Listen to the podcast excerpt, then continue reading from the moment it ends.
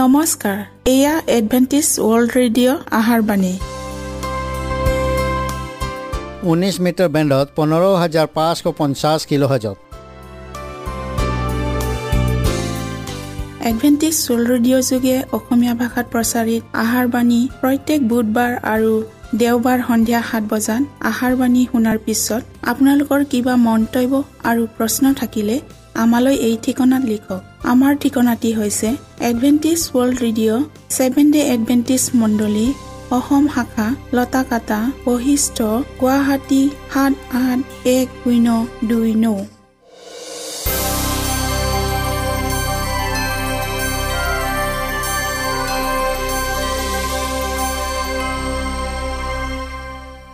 প্ৰিয় শ্ৰোতা বন্ধুসকল এতিয়া শুনো আহক এটি খ্ৰীষ্টীয় ধৰ্মীয় গীত।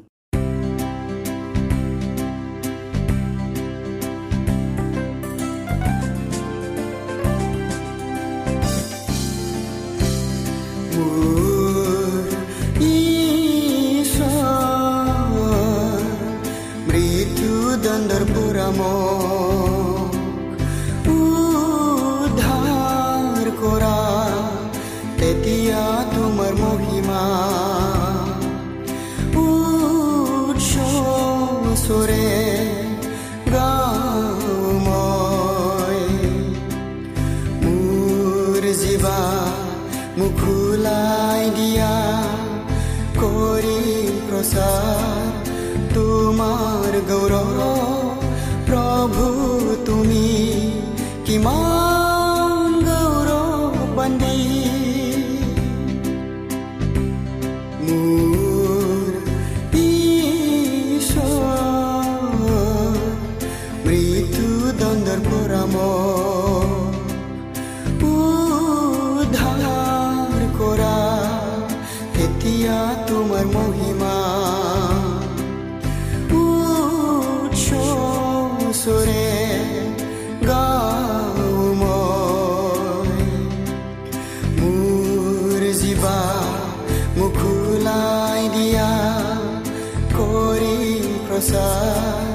তোমাৰ গৌৰৱ প্ৰভু তুমি কিমান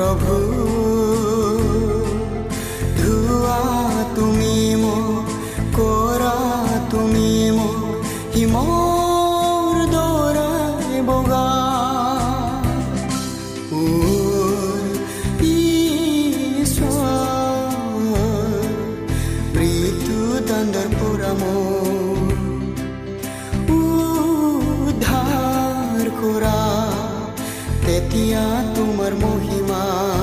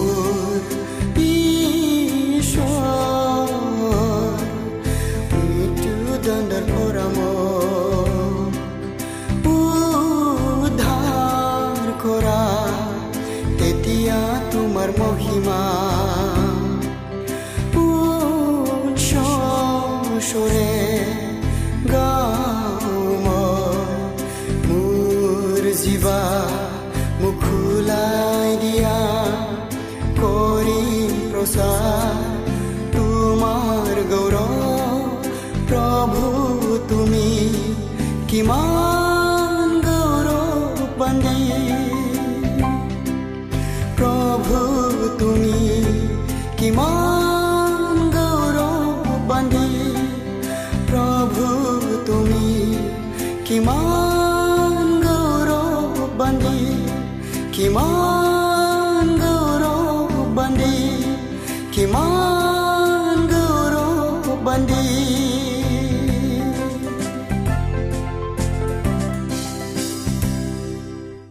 প্ৰিয় শ্ৰোতা বন্ধুসকল আহক আমি খন্তেক সময় বাইবেল অধ্যয়ন কৰোঁ হওক।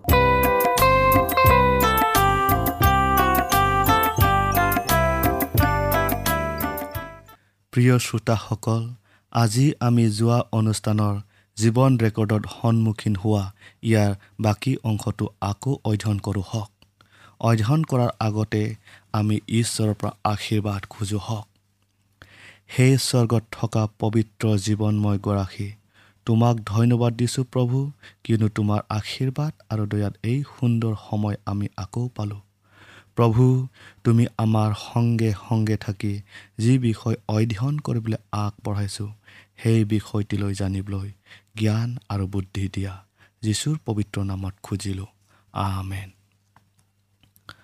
প্ৰৰূপী কাৰ্যত অথবা পৰিচৰ্যাত মহাপুৰুষিতগৰাকীয়ে ইজৰাইলৰ পাপ প্ৰায়চিত্ৰৰ কাৰ্য সমাপন কৰি অতি পবিত্ৰ স্থানৰ পৰা বাহিৰলৈ ওলাই আহি তাত গোট খোৱা সমাজক আশীৰ্বাদ কৰিছিল।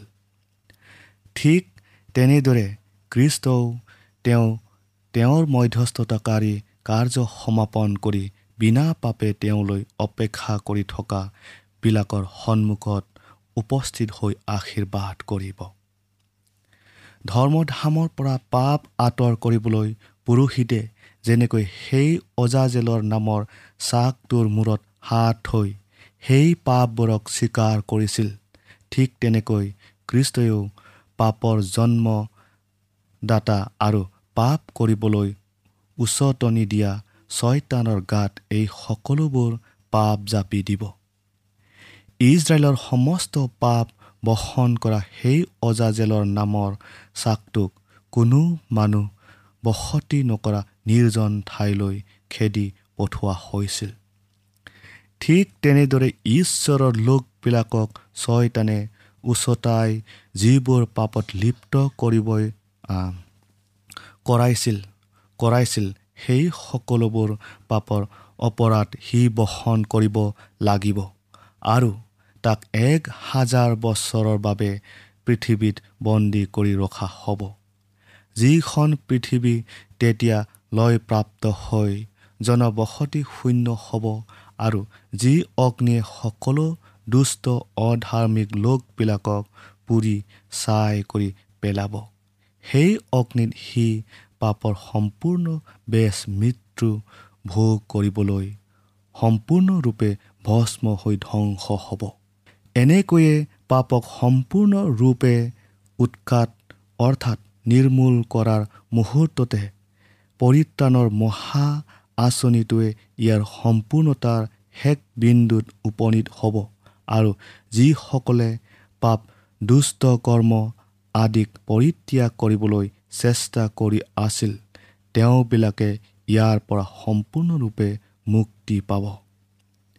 বিচাৰৰ বাবে নিৰ্দিষ্ট কৰি থোৱা সময়ত দুই হাজাৰ তিনিশ দিনৰ অন্তিম সময় ওঠৰশ চৌৱাল্লিছ চনত অনুসন্ধানমূলক বিচাৰ আৰু পাপ মোচনৰ কাৰ্য আৰম্ভ হৈছিল। যিসকলে স্বয়ং নিজে যীশুৰ নাম কেতিয়াবা লৈছে তেওঁবিলাক সকলোৱে এই পুনঃনিৰীক্ষণ ব্যৱস্থাটোৰ মাজেৰে পাৰ হৈ যাবই লাগিব। প্ৰত্যেকৰ নিজৰ কৰ্ম অনুসাৰে স্বৰ্গৰ পুস্তকতে যিবোৰ ৰেকৰ্ডত লিপিবদ্ধ কৰি ৰখা হৈছে তাৰ ভিত্তিত জীৱিত আৰু মৃত্যু উভয়কে বিচাৰ কৰা হ'ব। যিবোৰ পাপৰ বাবে অনুতাপ কৰা হোৱা নাই আৰু যিবোৰ পাপক ত্যাগ কৰা হোৱা নাই সেইবোৰ পাপক ক্ষমা কৰা নহ'ব আৰু ৰেকৰ্ড ৰখা পুস্তকৰ পৰাও তাক মচি পেলোৱা নহ'ব। কিন্তু ঈশ্বৰৰ সেই মহাদিনত এই পাপবোৰ পাপীজনৰ বিপক্ষে থিয় দিব। তেওঁ হয়তো তেওঁৰ অসৎ কাৰ্যবোৰ দিনৰ পোহৰত নাইবা ৰাতিৰ আন্ধাৰত কৰিব পাৰে। কিন্তু তেওঁৰ সন্মুখত সকলোবোৰ জল জল পট পটকৈ ওলাই পৰিব।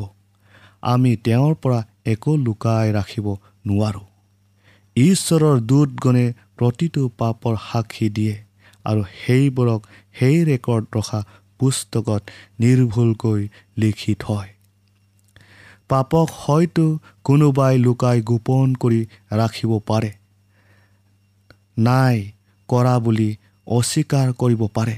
হয়তো পিতৃ মাতৃয়ে ঘৈণীয়েকে ল'ৰা ছোৱালীয়ে অথবা বন্ধু বান্ধৱীয়ে ঢাকি ৰাখিব পাৰে কিন্তু স্বৰ্গৰ বুদ্ধিমত্তাসকলৰ আগত সকলোবোৰ উদং হৈ পৰিব।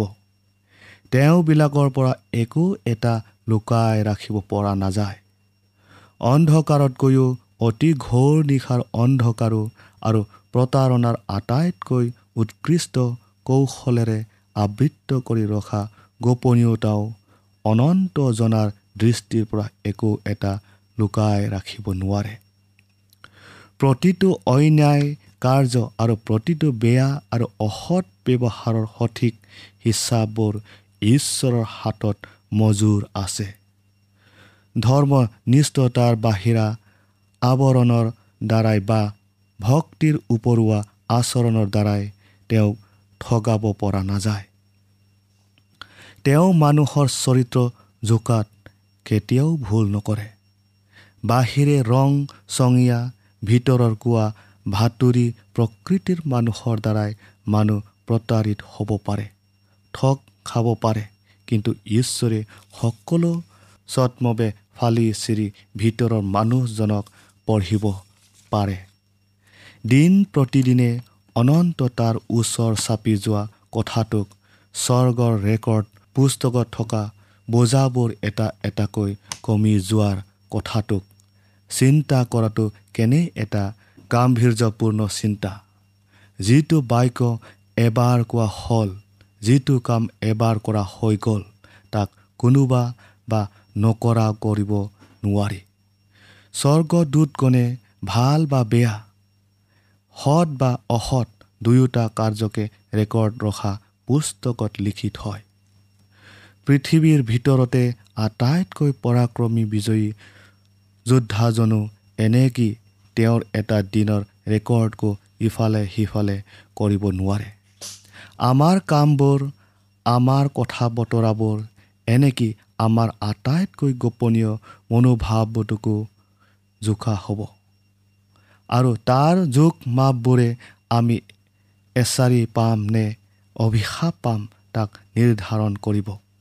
আমি কৰা কামবোৰক কথা বতৰাবোৰক নাইবা চিন্তা ভাৱনাক আমি যদিও পাহৰি যাওঁ তথাপিও আমি ধাৰ্মিক বুলি পৰিগণিত হ'মনে? দোষী সাব্যস্ত কৰা হ'ম এই ক্ষেত্ৰত সেইবোৰে সিহঁতৰ সাক্ষ্য বহন কৰিব। যেনেকৈ চিত্ৰাকাৰৰ নিজম ফলকত স্পষ্ট ৰূপত আৰু সঠিককৈ এটা অৱয়ৱৰ চিত্ৰ পুতি উঠে তেনেকৈ স্বৰ্গৰ পুস্তকত প্ৰতিজনৰ চৰিত্ৰ বিশ্বাসযোগ্যতাৰে পুতি উঠিব। ই ইমান এটা গুৰুত্বপূৰ্ণ বিষয় হোৱা স্বত্তেও এই ৰেকৰ্ডৰ সম্বন্ধে আমি কিমান কমকৈ ধ্যান দিছোঁ।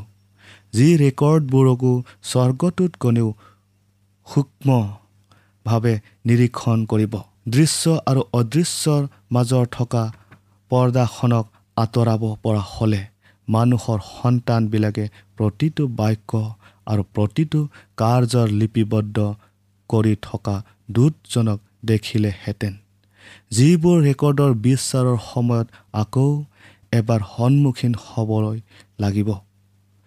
প্ৰতিদিনে কিমান কথা কোৱা হ'ল কিমান কথা নোকোৱাকৈ ৰৈ গ'ল কিমান কাম নকৰাকৈ থাকি গ'ল তাৰ হিচাপ দিবই লাগিব। প্ৰতিটো প্ৰতিভাগ কেনেদৰে ব্যৱহাৰ কৰা হ'ল বিচাৰৰ সময়ত তাক পুংকানুপুং পুনৰ পুনৰ নিৰীক্ষণ কৰি চোৱা হ'ব। স্বৰ্গত আমালোকে কিমান মূলধন জমা ৰাখিলোঁ হওক। কৃষ্টই তেওঁৰ আগমনত সুদকোৰ আৰু এলেহুৱা অবিশ্বাসীবিলাকক গ্ৰহণ কৰিবনে? আমাৰ হাত আৰু হৃদয় আৰু মগজত তেওঁ যি বিশ্বস্ততাৰে তেওঁৰ নিজ শক্তিক আমাক দান কৰিছিল সেই শক্তিক আমি ঈশ্বৰৰ গৌৰৱৰ অৰ্থে আৰু জগতৰ উপকাৰৰ অৰ্থে সৎ ব্যৱহাৰ কৰিলোঁনে? প্ৰিয় শ্ৰোতাসকল আমি আমাৰ সময়খিনিক কেনেকৈ নিয়ালোঁ? আমাৰ কলমডালক আমাৰ মাতটোক আমাৰ টকাখিনিক আমাৰ প্ৰভাৱ ক্ষমতাখিনিক আমি কেনেকৈ ব্যৱহাৰ কৰিলোঁ? কৃষ্টৰ বাবে আমি কি কৰিলোঁ? কৃষ্টৰ নামত দুখীয়াজনৰ বাবে পীড়িতজনৰ কাৰণে ঘাট মাওৰা অথবা বিধোৱা জৰীৰ বাবে আমি কিবা এটা কৰিলোঁনে? ঈশ্বৰে আমাক তেওঁৰ পবিত্ৰ বাক্যৰ ভঁৰালী পাতিছে। মানুহক জ্ঞানী কৰাৰ ক্ষেত্ৰত আৰু পৰিত্ৰাণৰ বিষয়ত আমাৰ প্ৰদান কৰা পোহৰ আৰু সত্যতাৰে আমি কি কাম কৰিলোঁ? কেৱল মুখেৰে কৃষ্টক বিশ্বাস কৰোঁ বুলি কোৱাজনক একো মূল্য দিয়া নহ'ব। মাত্ৰ কাৰ্যৰ দ্বাৰাই প্ৰেম প্ৰকাশ কৰোতাজনকহে প্ৰকৃত বুলি গণ্য কৰা হ'ব। সেইটো কৰ্তব্য সহিত প্ৰেমহে যিটো স্বৰ্গৰ দৃষ্টিত মূল্যৱান প্ৰেমৰ সহিত যি কামেই নকৰক কিয়? লাগিলে সি মানুহৰ দৃষ্টিত অতি তুচ্ছ হ'ব পাৰে কিন্তু সি ঈশ্বৰৰ গ্ৰহণীয় হয় আৰু তাৰ বাবে ঈশ্বৰে পুৰস্কাৰো নিদিয়াকৈ নাথাকে। শ্ৰোতাসকল মানুহৰ গুপ্ত স্বাৰ্থপৰতাৰ স্বভাৱটো স্বৰ্গৰ পুস্তকত ওলাই পৰিব। তাত মানুহৰ কৰ্তব্য হেলাৰ বা গাফিলতিৰ বাবে ৰৈ যোৱা আধৰুৱা কাৰ্যবোৰৰ হিচাপ আৰু কৃষ্টৰ কথাক কাণ নিদিয়া অথবা ইচ্ছাকৃতভাৱে পাহৰি যোৱা সকলোবোৰ হিচাপ লিখা আছে।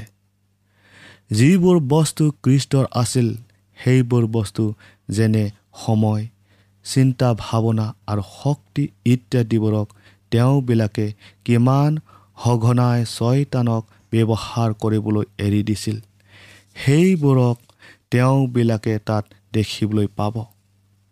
বুদ্ধিয়ক শ্ৰেণীটোৱে কৃষ্টৰ অনুসৰণকাৰী বুলি নিজকে দোহাই দি ফুৰাসকলে জগতৰ ধন সম্পত্তি মান মৰ্যাদা অথবা জগতৰ ভোগবিলাক কামনা বাসনা পূৰ্ণ কৰাত মগ্ন হৈ আছে। টকা পইচা সময় আৰু শক্তিবোৰ নিজকে বৰ বুলি দেখুৱাবলৈ খৰচ কৰা হৈছে। আৰু একেদৰে আত্মপ্ৰশয়শীল আৰু সংযমশীল আচৰণৰ বাবেও সমানে অপব্যয় কৰা হৈছে। আনফালে ঈশ্বৰক প্ৰাৰ্থনা কৰিবলৈ বাইবেলখন অলপ পঢ়িবলৈ অন্তৰখনক শান্ত কৰিবলৈ পাপ স্বীকাৰ কৰিবলৈ মানুহে অলপ সময় উলিয়াব পৰা নাই। প্ৰিয় শ্ৰোতাসকল ছয়তানে আমাৰ মনটোক অধিকাৰ কৰি ল'বলৈ অসংখ্য নতুন নতুন কৌশল আৱিষ্কাৰ কৰি আছে যাতে যাৰ দ্বাৰাই আমি উপকৃত হ'ব পাৰোঁ যাৰ দ্বাৰাই আমি উত্তম বুলি পৰিচিত হ'ব পাৰোঁ সেইবোৰ কামত যেন আমাৰ মন নবহে। মহা প্ৰতাৰকজনে সেই মহান সত্যতাবোৰক ঘীন কৰে যি সত্যতাবোৰে পাপ প্ৰায়চিতৰ বলিদান আৰু মধ্যস্থতাকাৰীজনৰ সকলো শক্তিক প্ৰকাশ কৰে। সি জানে যে যীশু আৰু তেওঁৰ সত্যতাৰ পৰা মানুহৰ মনবোৰক অন্যফালে ঘূৰাবলৈ তাৰ চলনাময় কৌশলৰ ওপৰত নিৰ্ভৰ কৰে। প্ৰিয় শ্ৰোতাসকল আজিলৈ ইমানে ইয়াৰ শেষ অংশ পৰৱৰ্তী অনুষ্ঠানত আপোনালোকে শুনিবলৈ পাম হওক আশা কৰোঁ আপোনালোকক পৰৱৰ্তী অনুষ্ঠানত পুনৰ লগ পাম বুলি। তেতিয়ালৈকে ঈশ্বৰে আপোনালোকক আশীৰ্বাদ কৰক।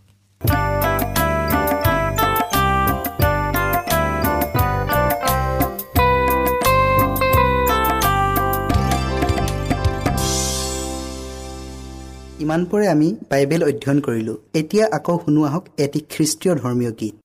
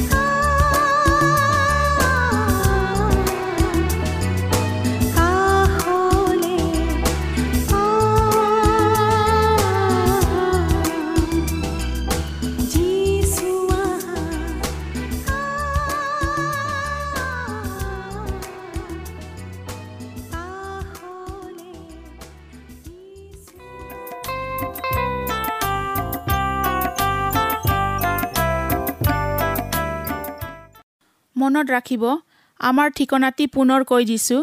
Adventist world radio' Assam region of seven day Adventist voice of hope Latakata Basistha Guwahati seven eight one zero' two nine প্ৰিয় শ্ৰোতা বন্ধুসকল এডভেণ্টিজ ৱৰ্ল্ড ৰেডিঅ' যোগে আহাৰবাণী প্ৰচাৰত আপোনালোকক পুনৰ লগ পোৱাৰ আহাৰে আজিলৈ সামৰিলোঁ। ধন্যবাদ।